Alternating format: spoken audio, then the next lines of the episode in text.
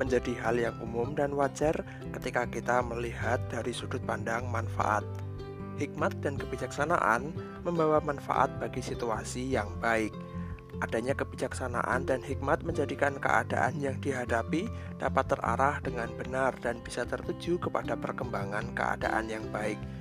Ada juga manfaat lainnya yang disebutkan dalam kitab Amsal. Amsal 9 ayat 11.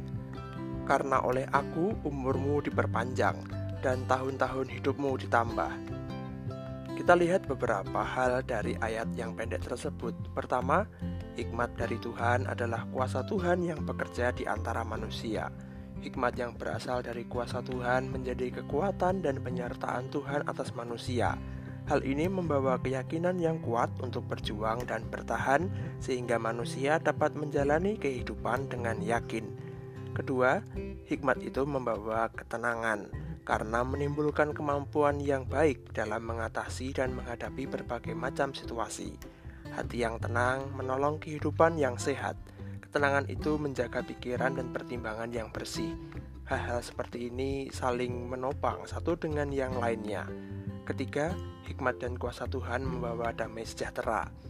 Damai sejahtera itu ada di dalam diri pribadi dan juga orang-orang lain yang berada di dekat hikmat dan yang ikut merasakan manfaat hikmat. Pengaruh hikmat begitu besar.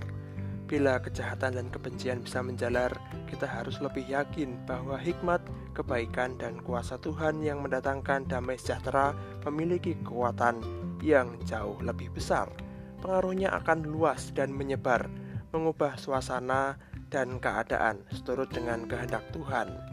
Ayat ini juga mengatakan kepada kita tentang keterlibatan kita dalam kekekalan Tuhan. Ketika kita setia hidup dalam hikmat dan kehendak Tuhan, kita masuk di dalamnya sejak di dunia ini hingga akhir hidup kita nanti. Tuhan berkenan atas kehidupan yang berhikmat. Hikmat pada akhirnya harus dimiliki setiap orang. Banyak peristiwa, perkara, dan persoalan yang memerlukan hikmat. Hikmat yang menimbulkan ketenangan dan damai sejahtera tentu saja akan meningkatkan kualitas kehidupan manusia. Kehidupan yang meningkat kualitasnya memperpanjang umur dan menambah tahun-tahun kehidupan. Dengan mengetahui manfaat hikmat ini, semoga kita senantiasa merasakan dan mengalami manfaatnya seiring pertumbuhan kita dalam belajar dan menghidupi hikmat Tuhan.